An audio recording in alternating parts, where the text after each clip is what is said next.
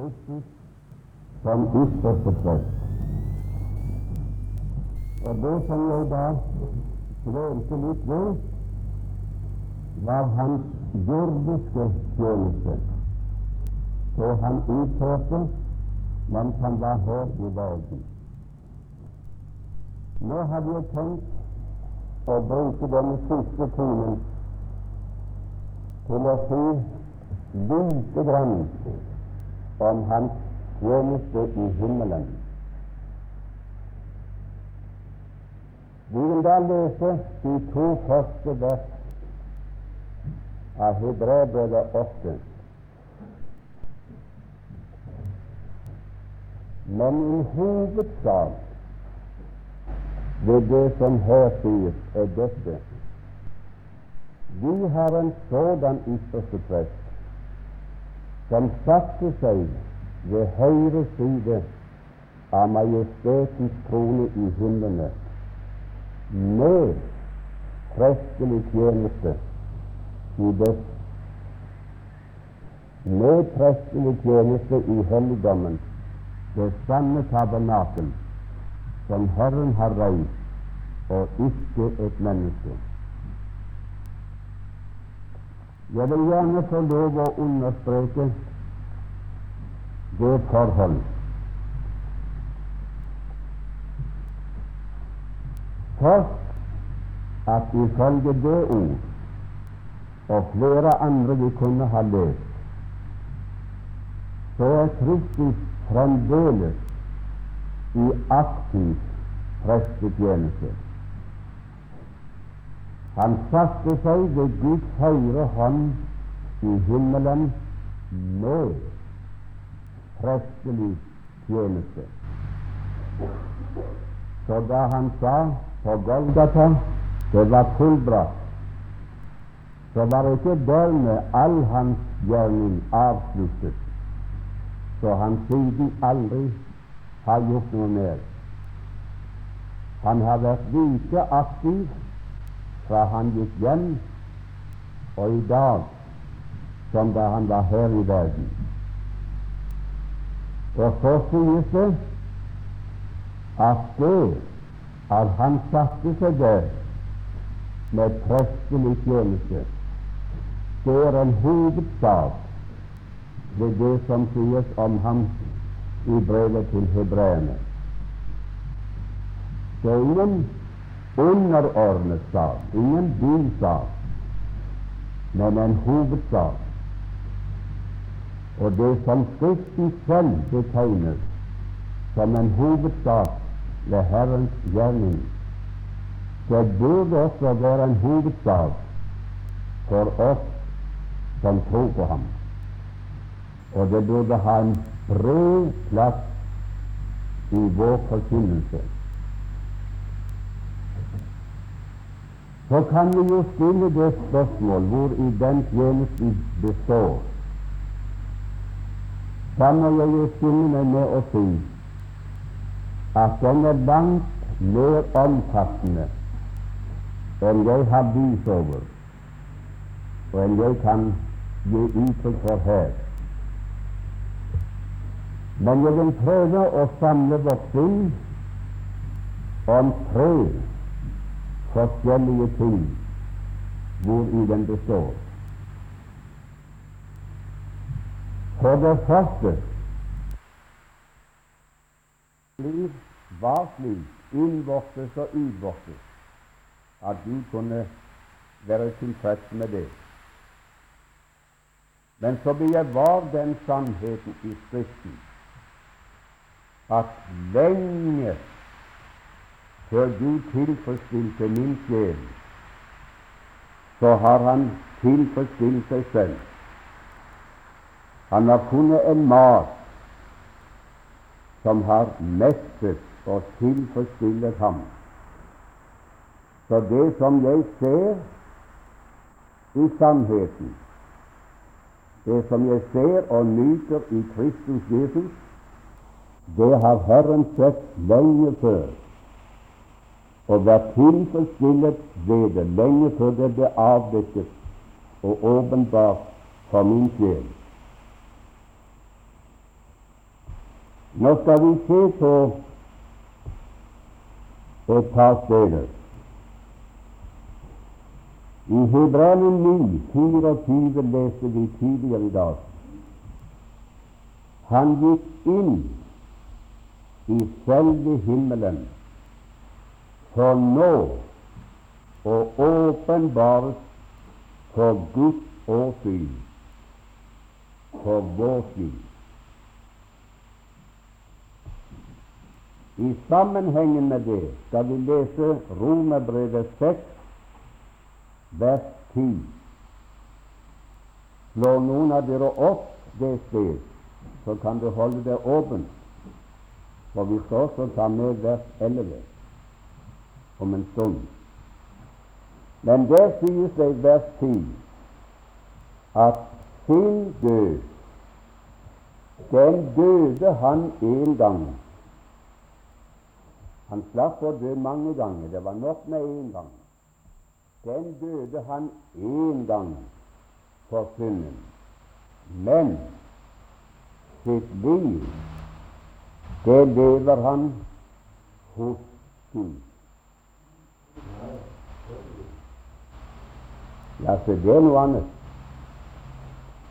Han er jo i himmelen. Han er hos Gud. Det er riktignok men det er ikke den sannheten vi gjør oss oppmerksom på her. Men sitt liv, det lever han for Gud. Nå vil jeg bare spørre dere Tror du for ditt vedkommende at Gud er tilfreds med det liv som han nå lever i himmelen? Ja, jeg tror det. Jeg tror han helt ut tilfredsstiller Gud. Det finnes ingenting ved hans liv der, like så vidt som det fantes noe sådant da han levde her, som Gud har av i. Det livet leves som det skal leves. Og merk deg at det livet lever han som et herliggjort menneske. Vi har talt om før at han ble et sant, virkelig menneske og gikk her i fornedrelse. Men Skriften sier oss at han sto opp fra graven som et menneske og han gikk hjem til himmelen som et menneske. Bare med den forskjell at det legeme som han da hadde etter oppstandelsen, det var et herlighetslegeme. Et legeme som ikke var bundet av tid, sted eller rom. Vil han spise, så kunne han spise, og vil han la være å spise, så lot han det være. Vil han gå gjennom lukte dører, så gjorde han det. Vil han lukke døren opp, så lukket han opp. Ellers var han akkurat å se til som en oss. Når vi de slo Stefanus i hjel, så sa han jeg kan se menneskesønnen stående ved Guds høyre hånd. Da Johannes fikk se den åpenbaring Gud ga sin sønn da han var på Patmos, så sa han jeg så en som lignet en menneskesønn. Så han sitter der i herligheten, venner, akkurat i samme skikkelse som du og jeg er her i dag, med to hender, to føtter, to øyne, nese og munn og øren og hår på hodet, i samme skikkelse, i samme væreform, bare med den forskjell som jeg nevnte, han har nå et herlighetslegeme. Forstår du da at der sitter et menneske, et herliggjort menneske, ved Guds høyre hånd og lever sitt liv for ham. Og det mennesket er den samme som vi talte om tidligere menneskesønnen. Slektsrepresentanten, den siste Adam, det annet menneske. Så leser vi med det ellevte vers i samme kapittel.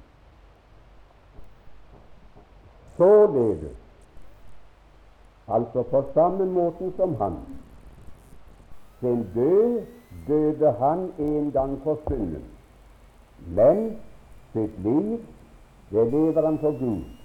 Således skal også dere akte dere, anse dere, regne dere som døde for synden, men levende for Gud her på jorden.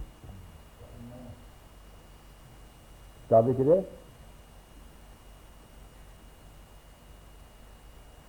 Venner, det har vi ikke lov til. Her på jorden, i min egen person, har jeg ikke lov og rett til å akte meg som levende for ham, men her skal jeg leve for ham. Så langt jeg det, at jeg kommer til kort i mange deler, det er en annen sak. Men her står det noe annet. Således skal også dere akte dere som døde for synden. Er han død for den, så er jeg død for den. Hans korsets død, det var min død. Den død som jeg hadde fortjent, så vel som ethvert annet Adams barn. Og fordi han er død for meg, i plassen for meg, så regner jeg meg som om jeg var naglet til korset og hadde tatt en dommerstraff som ble eksekvert på ham. Men det gang Men så det skal dere også akte dere som levende for Gud i Kristus Jesus. Skal ikke bare akte deg død i hans død, men levende i hans liv. Er det ikke merkelig, godt folk, at i Kolossenserne 3 og vers 4 der kalles Kristus like frem for Kristus vårt liv.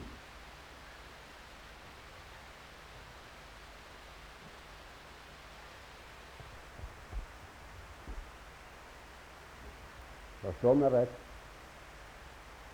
Jeg som står her, har to liv.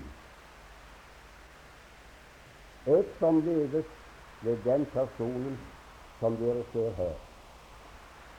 Et liv som de har sett og kjenner meget godt nede i Åkrehamn, hvor jeg bor. Det er ufullkomment. Det kan klandres og lastes, dessverre, i mange stykker. Og ingen laster det mer laster det selv.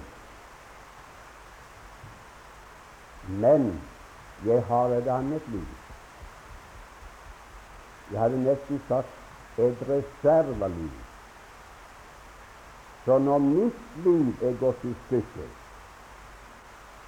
så verken Gud eller jeg selv kan være tilfreds med det så har jeg herliggjort menneske som i mitt sted, på mine vegne og i mitt navn lever sitt liv. For ikke hos, men for Gud. Og i det liv aksepterer Gud meg.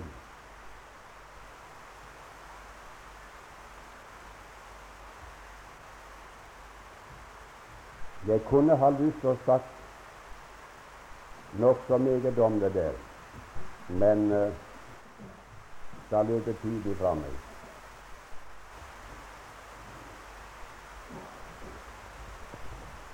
Men jeg forstår Skriften slik at nøyaktig på samme måte som Kristus var min stedfortreder da han var i denne verden, og jeg kan gjøre all hans gjerning, all hans fullkomne liv og hans død om til min død og mitt liv. Like full er han min stedfortreder i himmelen ved det liv han nå lever. De skjønner vel det, folk. Han behøver ikke være i himmelen som et menneske og leve sitt liv for Gud for å berge seg selv. Det kan ikke komme ham til nytte at han er der og lever sitt liv for Gud. Nei, nei, min venn. Han åpenbarer seg der for vår tid. Som det sto på svensk, som jeg siterte i formiddag. Han åpenbarer seg for Guds åsyn oss til godo, til beste for oss. Jeg har lyst til å spørre deg du har trodd og regnet med at Kristus er din rettferdighet. Gjør du ikke det? Hvordan skulle du kunne være en troende om du ikke gjorde det? Nå vel, tror du og regner med at den oppstandende, himmelfarende, herliggjorte Kristus Jesus nå lever i himmelen for din skyld og er ditt liv.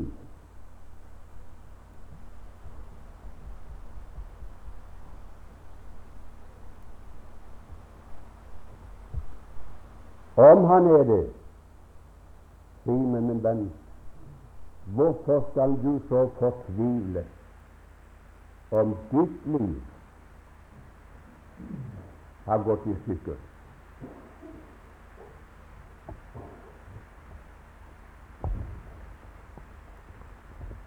Når vi jeg må si det når vi forkynner for, for en forsamling uavkortet at Kristus er vår rettferdighet, og ingen annen rettferdighet gjelder for Gud og fritar oss fra dom og straff, så finnes det mennesker i forsamlingen som tar imot det som blir glad og takknemlig fordi Han er gitt oss til rettferdighet. Men i samme forsamlingen sitter det mennesker som er dypt forarget over det. De kan ikke fatte det. De begriper ikke det at vi kan gå hen og regne en annen mann og en annen manns verk for vår rettferdighet. Og det er de menneskene som selv strever med sin egen rettferdighet. Eller som Romerbrevet 10 sier det, de ga seg ikke inn under Guds rettferdighet fordi de strevet etter å grunne sin egen rettferdighet. Og så sier de, kjære folk, for en forkynnelse. Det er for lett snakke om at Kristus er vår rettferdighet, så kom ikke vårt liv og vår fromhet i betraktning, så skal min fromhet og fromhet som jeg har prestert, være verdiløs for Gud. Så knurrer de. Det er først, min venn, når de er kommet til kort i det stykket, og ikke får det til med sin egen rettferdighet, når den er slått i stykker, og de ligger på ruinene av sitt eget selvstrev, først da tar de imot. Og først da smaker det å høre Kristus er blitt oss rettferdige for Gud. Da tåler de det. Da tar de imot det. Nøyaktig på samme måte er det når, det gjelder sannheten om at Kristus også er vårt liv. Forkynner vi det i en forsamling, så er det mange som blir dypt forarget og går ut og bak ryggen river oss i stykker. Vi har bare stått og kastet helligdommer for hunder som vender seg om og river oss i stykker etterpå. Og de gjør det på den måten. Har du hørt den slik forkynnelse? De gjør jo de gjør jo de kristne ansvarsløse. Nå kan de bare regne med vel, nå er Kristus min rettferdighet, og nå er han også mitt liv.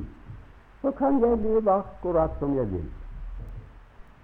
Det er ikke farlig med mitt liv. Sådan tenker de, slik dømmer de, og slik snakker de.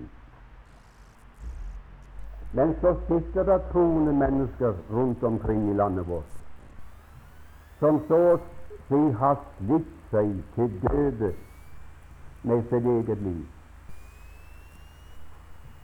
Fra sitt innerste vesen ville de gjerne tilfredsstille Gud, og i ett og alt være slik som en kristen bør og skal være. De har grått, de har bedt, de har lest, de har tatt seg sammen, de har gjort alt hva som står til dem. Men vi kommer til kort. Og til slutt fortviler de over sitt eget liv. Så får de høre det og se det i testamentet. Kristus er vårt liv. Han er ikke bare min rettferdighet, men han er også mitt liv. Det liv som Gud anerkjenner meg i. Jeg har sagt det somme tider slik, der hvor jeg er reist, at, vi, at hvis noen av dere som sitter her, er interessert i å kjenne min rettferdighet, den uskyld som skal, som skal frita meg fra dom og straff, så er det ingen hjelp i å reise ned til Karmøy, til lov For det er ingen der nede som har sett min rettferdighet. Den har nemlig ikke vært i Åkerhamn ennå. Men hvis du skulle være interessert i min helliggjørelse, så kan du reise ned til Karmøy. Kan du ikke snakke med naboene mine, de som har hatt med å gjøre som nabo, og aller helst min familie? Men ja, hvem vet? Det kunne jo være vanskelig for deg å få de til å åpne posen og snakke ut av leveren. Men de vet iallfall en hel del om min praktiske helliggjørelse, mitt kristen liv.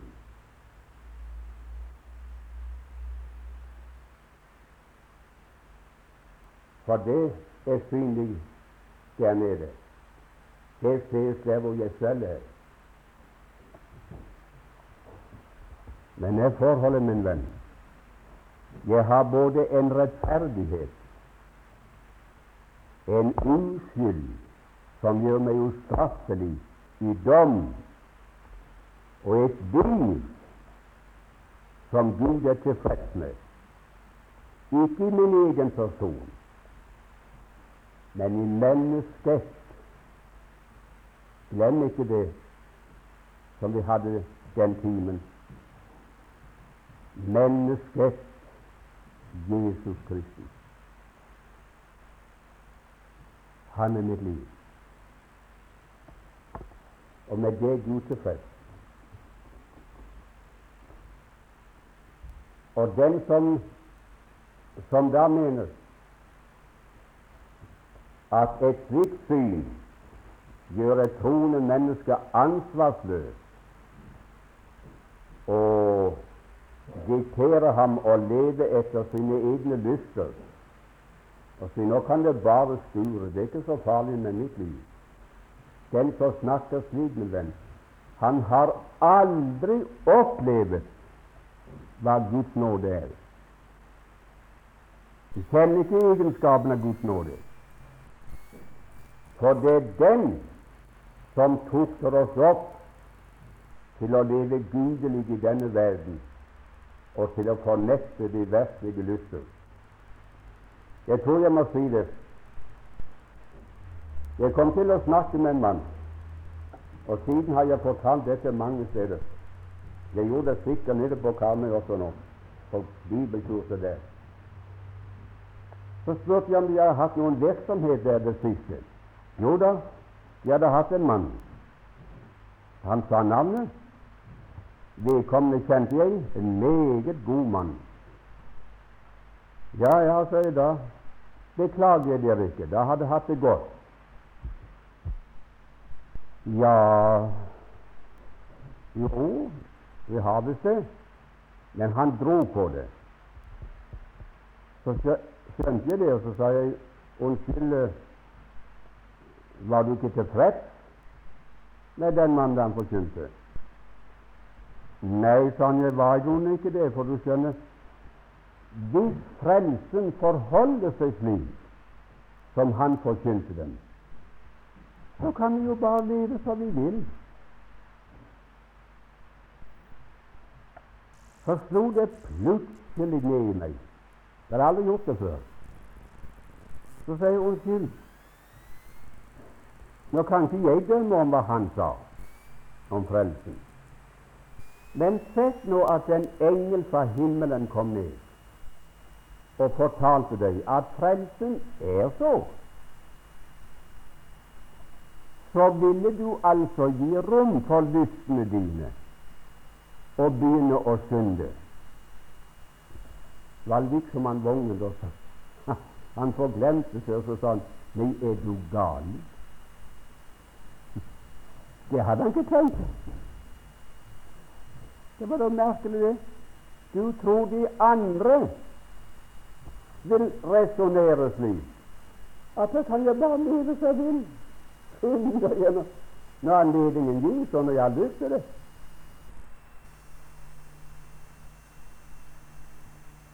Og så vil ikke du gjøre det. Men du kan begripe det. Jeg kunne ikke gjøre det. Nei, nei, sa jeg. Jeg tror ikke heller det.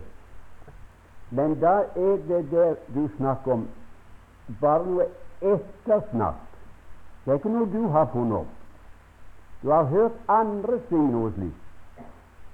Og så far du omkring med denne gamle, forslitte klisjeen og sier det andre sånn.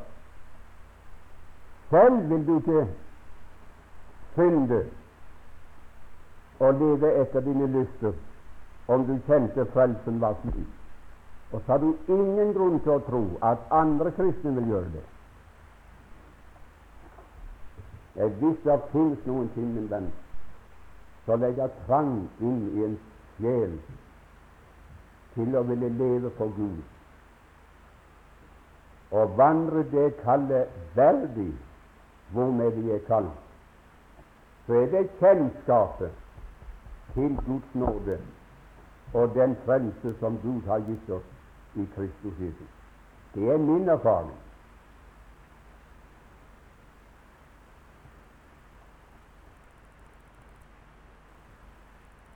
Så var det det andre jeg ville nevne. Hans tjeneste i himmelen består ikke bare i å leve sitt liv for Gud, men 1. Johannes 2 og de to første vers forteller oss at han der opptrer som vår advokat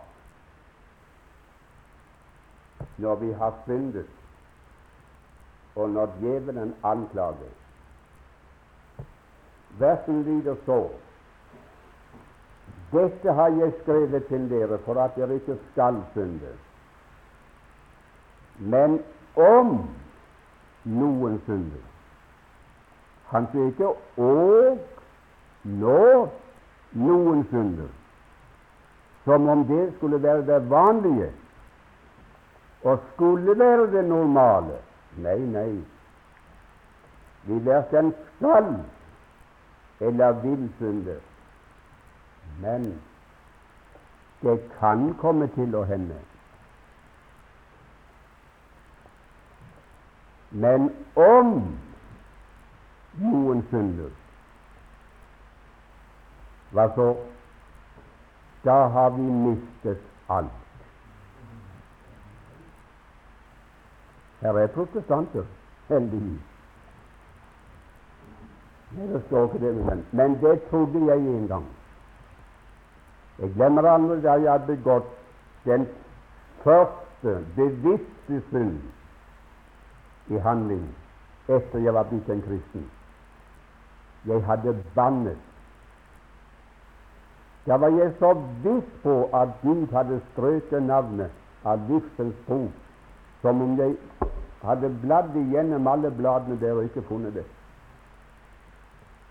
Og jeg kjempet en fortvilet kamp for å tro at nå var jeg frelst igjen. Jeg regnet med at jeg hadde mistet alt, og så måtte jeg frelses på nytt. Vårt testament har aldri vært noe slikt. Guds barn kan synde. Og dessverre, de har syndet. Og kommer beklageligvis også til å gjøre det. Tross bønner, tross tårer, tross bibellesning og møtegang og alt dette her, tross alle gode fortsetter, så blir de overlystet av noen synd. Og så har de syndet. Men hva da? Da, om noen synder, da har vi Ennå har vi noe. Da har vi en talsmann. På engelsk en advokat i Guds høyre hånd. En parakletos. en som, som er kalt opp ved siden for å hjelpe. Og han er en soning for våre synder. Dog ikke bare for våre, men også for den ganske verden. Jeg har ikke tid å utvikle det som det skulle være gjort. Men jeg tror på at Satan har anledning til å anklage Guds barn hos Gud når de har syndet. Han behøver ikke gå personlig inn i selve himmelen for å kunne anklage oss. Han kan godt være i himmelrommet og gjøre det. Vi som er her på jorden, i vår skrøpelighet. Selv vi kan gå like inn på Guds trone. Det kan jeg gjøre hvor jeg står og preker nå. i mitt sinn, i min ånd, endog med ord, kan jeg innfinne meg der og sier Fader, ditt barn du hjelpe må. Og så skulle ikke djevelen kunne det. Jo, men venn, med en gang vi har syndet og forgått oss, så er djevelen der. Og det jeg tviler på jeg, jeg må si det slik, for jeg har ikke tid til å ettervise påstanden. Men jeg, jeg mener å kunne gjøre det. Jeg tror ikke djevelens anklage gjelder oss på første hånd, men han anklager Gud. Han angriper Gud. Han angriper Guds rettferdighet. Omtrent som han sier hvordan kan du være en rettferdig Gud, og så anerkjenne de der for å være dine barn, når du ser hvordan de er? De har syndet. Hvis du handler rettferdig og rett, stryker du deres navn og sender dem til helvete. Det er hva de har fortjent. Men det er kalt opp en mann ved siden for å hjelpe mannen fra Golgata. Og som jeg visstnok sa her ved en annen leilighet, eller om det var i Åkrehavn Det forekommer noe som Gud spør Satan. Satan, er det rettferdig å ta så meget hensyn til det min sønn utførte på Golgata, at jeg for hans skyld rettferdiggjør de der og holder fast ved dem. Han er en soning for våre synder. Og det er Kristus den rettferdige. Og Satan har ikke noe mer han skulle ha sagt. Kan ikke angripe Gud.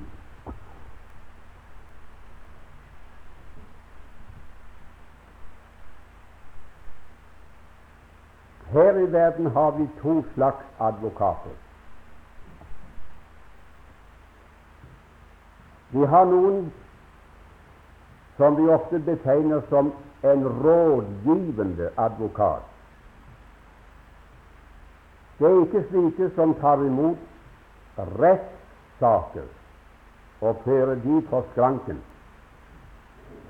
Men de har plass på et større kontor i en eller annen bedrift, større forretning, for å gi råd, veiledning og våke over at de forretninger som vi slutter, de papirene som blir underskrevet, osv., de er i overensstemmelse med loven.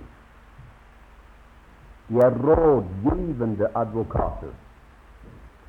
En sådan rådgivende, veiledende advokat har vi boende i våre hjerter ved Den hellige ånd.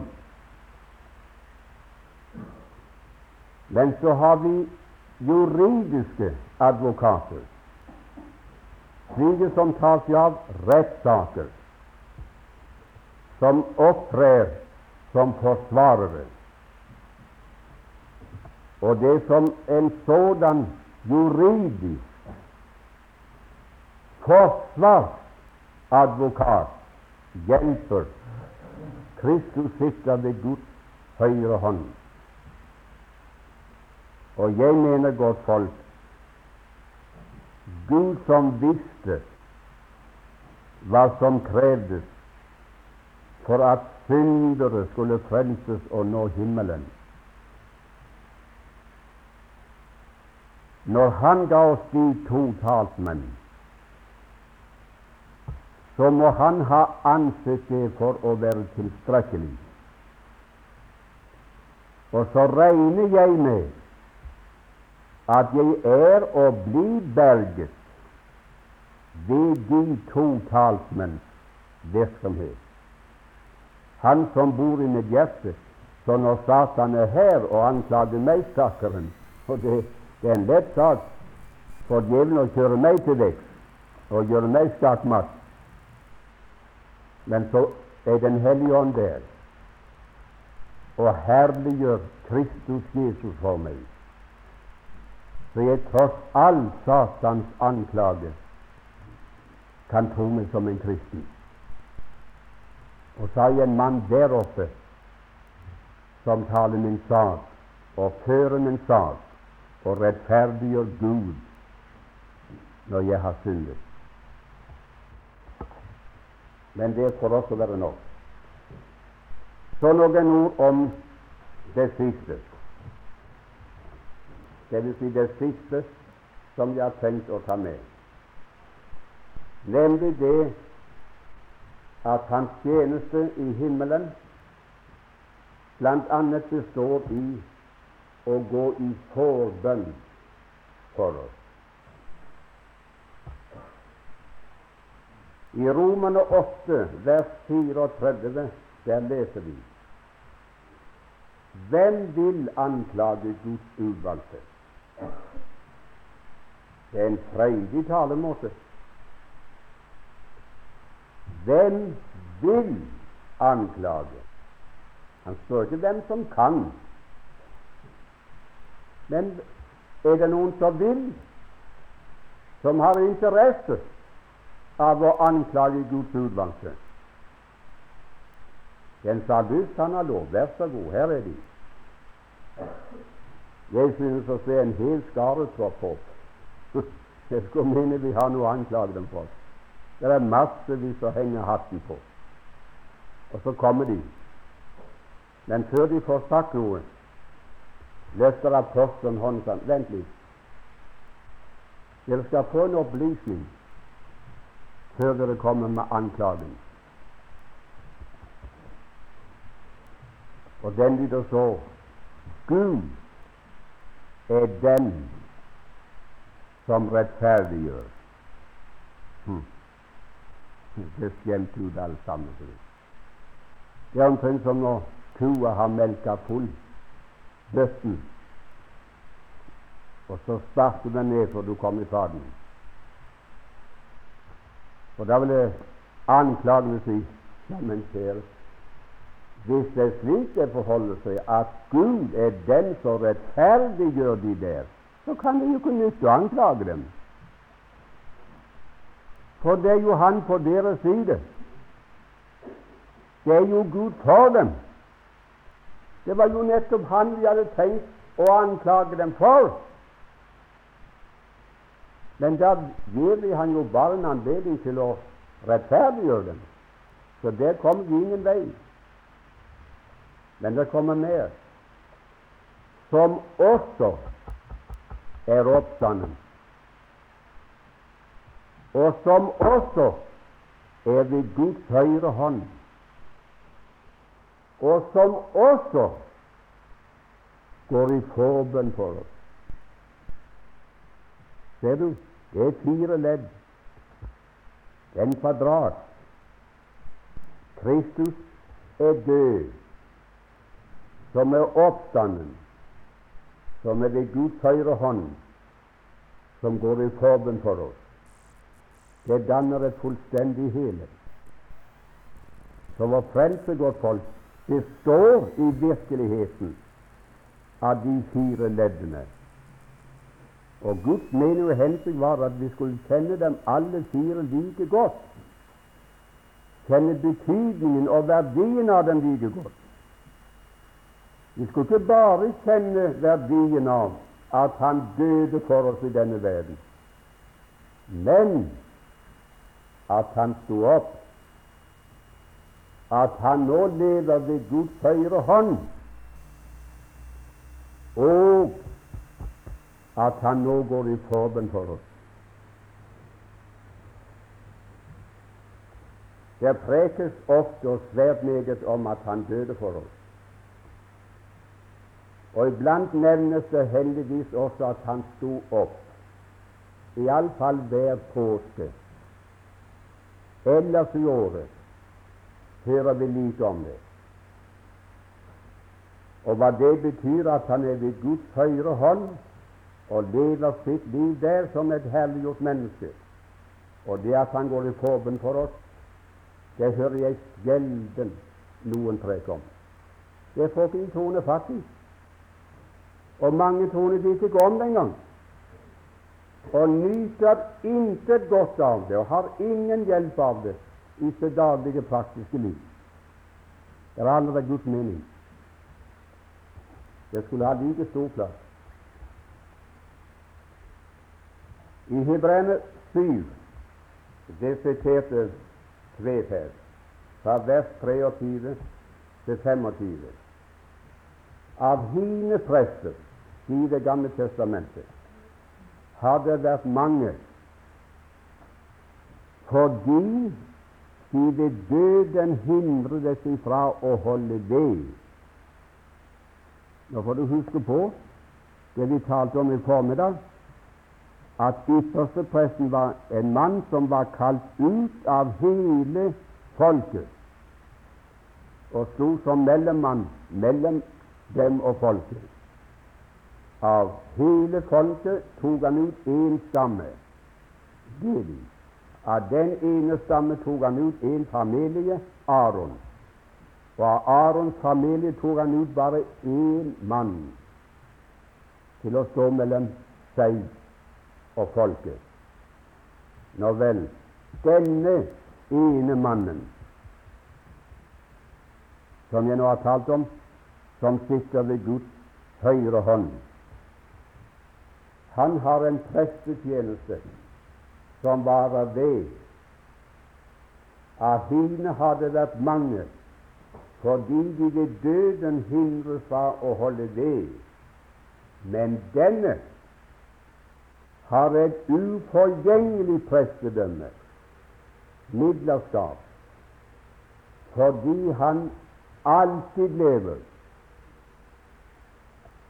Og derfor, fordi han går i forbønn for oss, kan han fullkommen frelse dem som kommer til Gud ved ham. Ikke bare delvis eller midlertidig, men fullkommen, komplett, fullstendig frelse dem som kommer til Gud ved ham. Hadde dette siste manglet, hadde han ikke greid det. Det hadde ikke vært nok med hans død på Golgata. Om han ikke var oppstanden, så var de fortapt, sier apostelen, som var død i troen på ham. Så det måtte mer til enn døden på Golgata. Men hva vil det så si at han går i forbønn for oss? Mange oppfatter det slik, som jeg hentyder til her ved en annen anledning. De oppfatter Gud som en uforsonet Gud,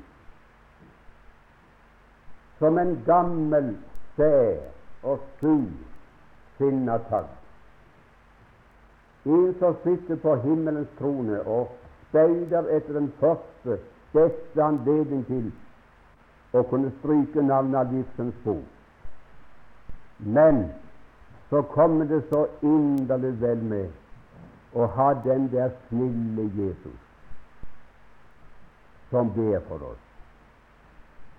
Så sitter han ved Guds høyre hånd og snakker godt i øret på den gamle dager og viser han naglegapene i hendene og såret i siden. og så Nei, far, du, du, du må spare. Du du må huske på hva jeg gjorde for dem på Golgata. Og så lykkes det for ham å, å formidle Gud. Og så ber han over med oss og sparer oss. Omtrent som Ludvig Hope sa det en gang.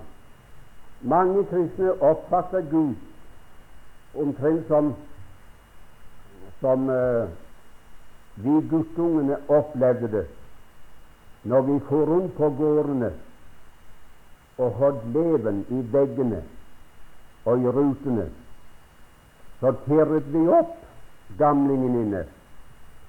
Så han sinna, og så kom han ut og hadde en svær stav, og så skulle vi ha det. Så kom det så inderlig vel med at huset ikke var flatt. Det var firkantet. Det var hjørner på det. Og så tok vi til ben og smatt bakom hjørnet, og så hørte vi stokken i veggen. Den rammet i godt. Og så var det nå neste hjørne, og så smalt stokken der også.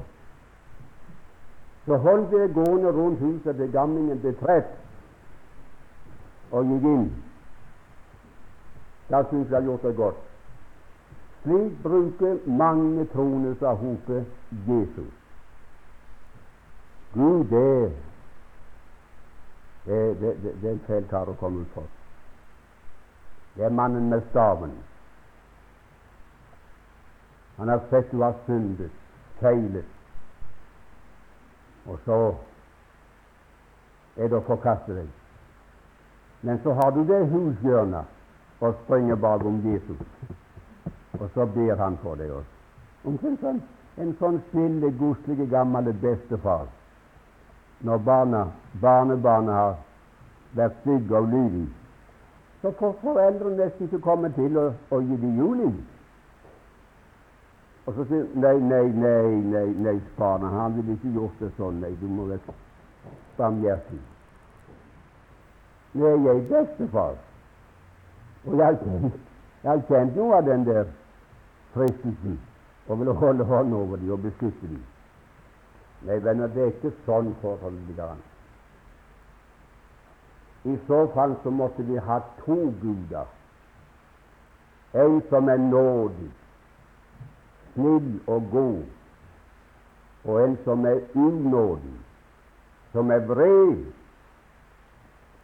Men Kristus har sagt 'Jeg og Faderen, vi er ett'.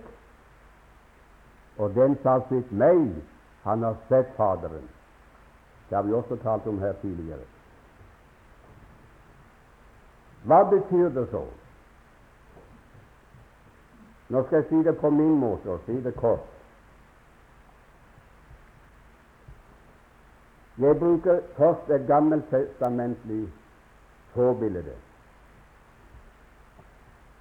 I Annen Mosebok, kapittel 29 og 30. Der leser dere om at det ble gjort et alter som kaltes røkofferalteret. Og på det skulle Aron brenne røkelse hver gang han gikk inn i det hellige og gjorde i stand lysestaken, lampene til lysingen. Det var han som holdt det i orden. Og den røkelsen som han skulle brenne, den skulle bestå av fire slags. Du kan lese om det i, i 2. Mosebok 30, det 34. og 35. vers. Nå skal jeg lese innabok, så det er sikker på at jeg leser korrekt. Jeg håper iallfall du tror jeg gjør det. Og Herren sa til Moses, ta deg røkelseskrydderiet, stakte og svølegg og galvan, disse tre slags krydderier, og ren virak. Det skal være like meget av hvert. Av det skal du gjøre røkelse, en krydderblanding, slik som det gjøres av dem som lager salve, saltet, ren, hellig, osv. Og det står i det følgende at på den måten, med det forhold i vekt, at det skulle være like meget av hvert av de fire urtene må ingen annen røkelse blandes. I så fall er det fremmed røkelse. Nå er det merkelige forhold det at i Skriften står røkelse som et bilde på bønn. Alt det som vi kan innbefatte i ordet bønn.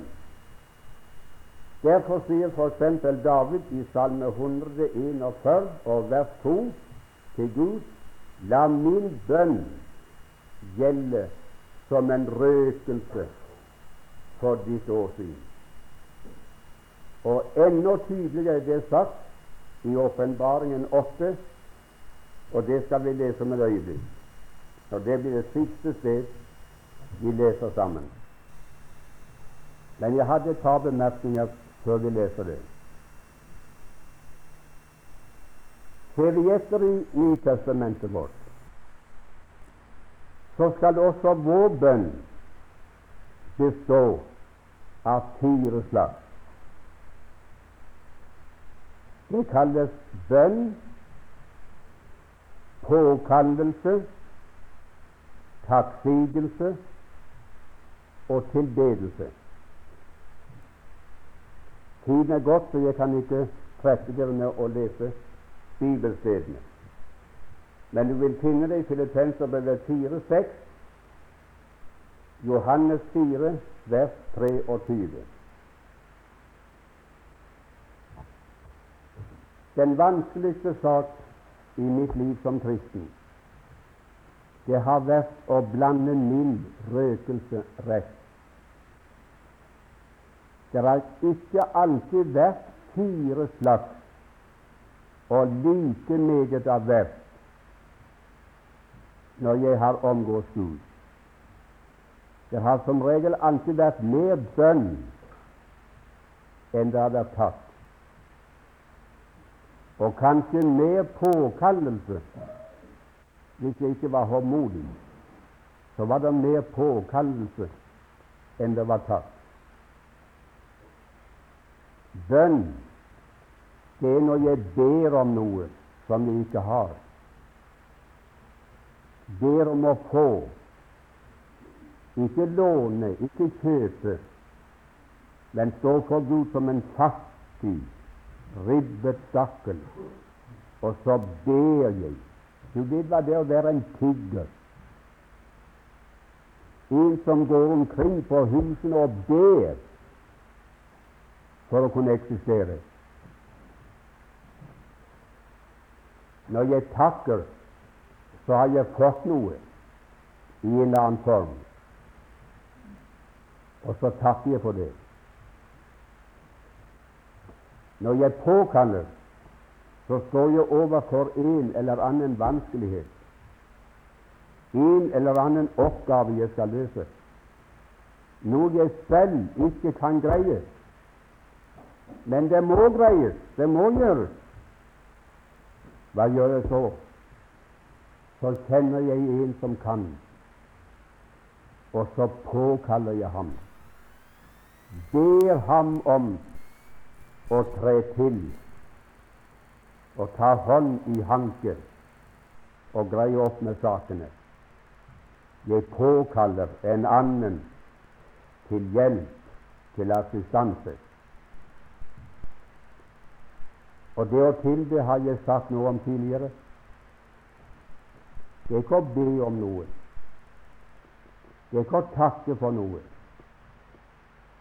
Det er ikke å påkalle for hjelp,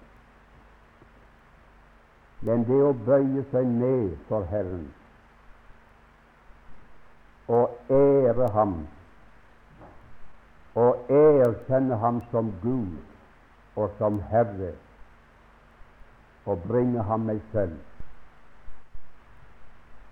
Ligge og se opp i Hans ansikt. Tillat meg som menneskelig uttrykk og beundre ham. Akkurat som gutten som gikk omkring sin fars knær. Og Han satt på kontoret og hadde det travelt, og han sa flere ganger til gutten du får gå bort og leke med noe annet. Den gutten ga seg, han kom igjen og igjen, og kom seg opp på fanget. Men far fikk han ned på gulvet igjen og sa nei, nå, nå må du la meg få ro til å skrive. Så gikk han bak stolen, smårollingen, og så klatret han opp på ryggstø. Og så bøyde han hodet framover, så han fikk kikke far opp i ansiktet. Så sier far, hva er det gutten min du vil? Ingenting. Vil du ingenting? Nei, ikke noe jeg vil ha, pappa, men jeg vil bare se på deg, for du er så pen. Det var ikke greit å hive ham ned da. Han fikk lov å bli der. Er det å knele for den Herre Jesus og gi ham plassen som Gud og som Herre og beskue ham. Si meg om du skulle nå føre opp på et skjema alle dine bønner, dine takksigelser, påkallelser og dine tilbedelser. Ble det like meget av det? Det var det det skulle ha vært. Hvordan i verden går folk kan så Gud ha bønnhørt oss? Når man også tenker på all den urenhet og alle urene, vanhellige motiver som endog er med oss i bønnen. Hvordan kan Gud ha bønnhørt? Hvordan kan den røkelsen stige opp til Gud? Det er ikke for ingenting, folk. Det er ikke for moro skyld at Jesus er gått til himmelen og går i forbønn for oss. Skal vi lese nå Åpenbaringen åtte, tredje og fjerde vers?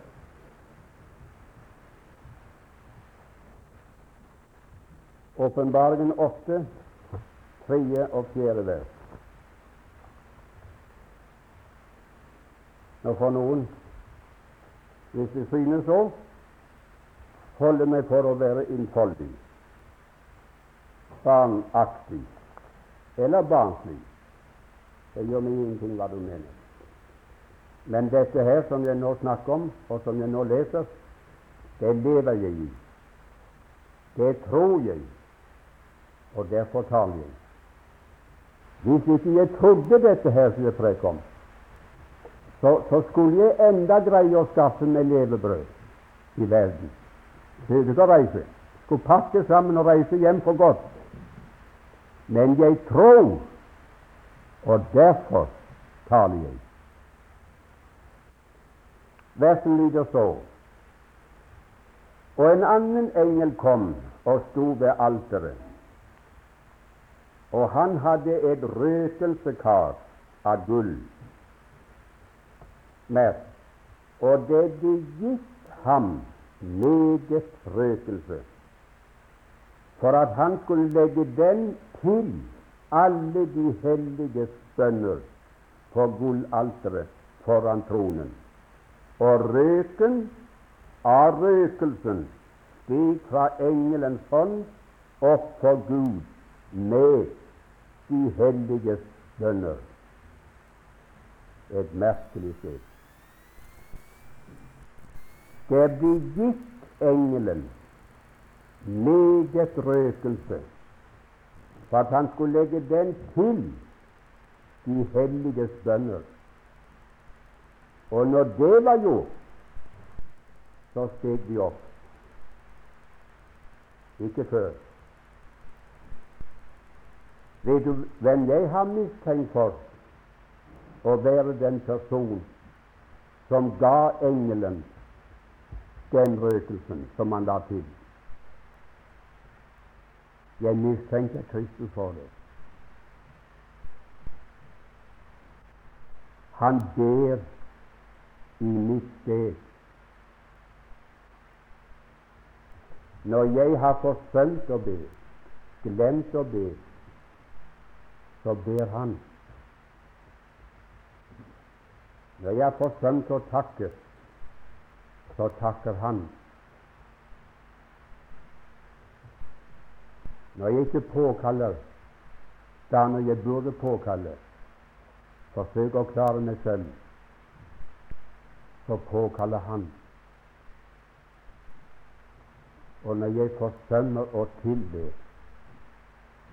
så tilber det mennesket som lever i mitt sted ved Guds høyre hånd. Det ble gitt ham meget røkelse. Altså må det ha manglet meget. Da kan det ikke ha vært like meget av hvert. Men det som manglet, det ble gitt ham og lagt til de hellige, de troendes bønner, og så stige opp for Guds åsyn. Venner, akkurat som han døde for meg, i stedet for meg, akkurat som han oppsto for meg, akkurat som han lever for meg i himmelen, ber han for meg, i plassen for meg, i plassen for meg, blander min røkelse rett. Så det blir like meget av hvert. Hvis ikke godt folk, så vil ingen av mine bønner noensinne ha blitt hørt. Og dernest er det mange ting jeg har fått som jeg aldri har bedt om. Det er en annen har bedt om det. Og det er mange ting jeg har bedt om som jeg ikke fikk, men jeg fikk noe ganske annet i stedet. Ja, han mistenkt for han har snudd på det og sagt Fader, det er ikke det han trenger, men det er det. Gi ham det. Å, godt folk, hva jeg skal få å takke ham for når jeg en gang kommer hjem. I Kristus, står det, har Gud skjelt oss alt som hører med til liv og Guds frykt. Det mangler ingenting. For jeg minner da om det ordet jeg begynte med å lese, når Paulus sa 'Jeg vet på hvem jeg tror', ikke bare at jeg tror. Ja, jeg prøvde å vise dere litt av hvem vi tror på når vi tror på Kristus. En liten illustrasjon. Det var en mann ute på Sørlandet som skulle gå et ærend hen til nabobygden. Fra der han bodde og dit han skulle, var det tre norske mil. om man skulle ta den vanlige veien. Men nå var det om vinteren, og det lå is på vannene, så hvis han gikk over fjellet, så kunne han spare inn ca. halvveien. Så den jeg skal gå over heia og over isen. Men nå var det det den mannen Han var i grunnen lik meg når det gjelder isen. Hvis han kom ut på sånn grå is så han ikke kunne se gjennom, så følte han seg trygg selv om isen var svak. Men kom han ut på blank stålis som var gjennomsiktig, så begynte å krible i magen øyeblikkelig han ikke kunne se bunnen, og han ble nervøs. Og nå var tilfellet det at han kom i nabosognet og skulle over et svært vann som lå der, så var det blå, blanke stålisen som glass. Nå visste han ikke om isen der i bygden, for det var litt lenger ned i landet, om den var så sikker som hjemme hos han. Så prøvde han den ved å kaste ut noe sten. Jo, det holdt. Så trampet han. Jo, det holdt. Og så begynte han å gå. Og det gikk greit, for det var nokså grunt, så han så bonden. Og han gikk med en takk skal du ha. Der kom han utover brådypet, så ingen bond. Så begynte det å gå i magen, og det gikk til hodet. Og med det ble han så redd han tørde ikke gå verken frem eller tilbake. Men så tenkte han Han sto den langt sonen, han fortalte selv. så han det litt fysikk. Og så han Hvem bevarer meg vel? Dette er det galleste jeg gjør. Hvis isen er svak, og så jeg står her, så samler jeg hele legemssynden på ett lite punkt. Jeg må fordele legemsvekten på en større flate. Og så la han seg platt ned, og så ålte han seg fram. Så han tenkte ja, det var langt over. Jeg skal ikke spare noe av veien, skal jeg måtte krype. Men han krøp. Han ville frem. Men han har krøpet et stykke, så hørte han et forferdende brak bak seg. Så lukket han øynene sånn og sa Å, Jesu navn. Det var han sikker på. Nå klovna isen. Så nå gikk han. Men han kjente ikke at han ble våt. Men braket gjorde det. Tenkte det var merkverdig. Så skulle han se opp hva dette var for noe. Fremmen forstod han ingenting. På siden var det ingenting. Så så han bak seg, vedskremt. Og kjære folk, så kom det en mann med to hester og et svært tømmerløp etter ham. Så stakk han til side, kom seg opp og tok et stykke ut av leia, for han var bange for at vedkommende kunne kjenne ham, og for skam skyld vil han ikke treffe mannen. Men hør nå, min venn. Da han leverte seg ut på isen, så trodde han. Han trodde på isen.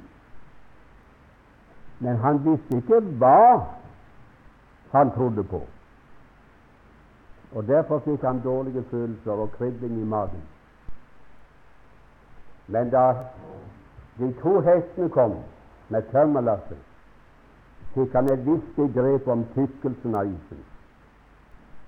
Og med en gang fikk han andre og bedre følelser. Nå, nå var han trygg. For nå visste han hva han trodde på. Her er det, den Hensikten med mine timer denne uken har ikke vært noen annen, uten at jeg har sagt det, enn å prøve å gi deg et visst grep om hva du tror på, på hvem du tror. Og kjenner du ham, så blir du trygg. Det står i Matteus Nei, nei, i Isaias 28, 16 var det at den som tror på ham Hos oss står det 'haster ikke'. På kinesisk har de oversatt annerledes og sagt 'den som tror på ham, er ikke nervøs'. Hos oss står det en bemerkning under. Det vil si han er fri for angst og forferdelse. Jeg liker begge de bilder. Den som kjenner ham og forlater seg på ham, vet på hvem han tror. Han er ikke nervøs.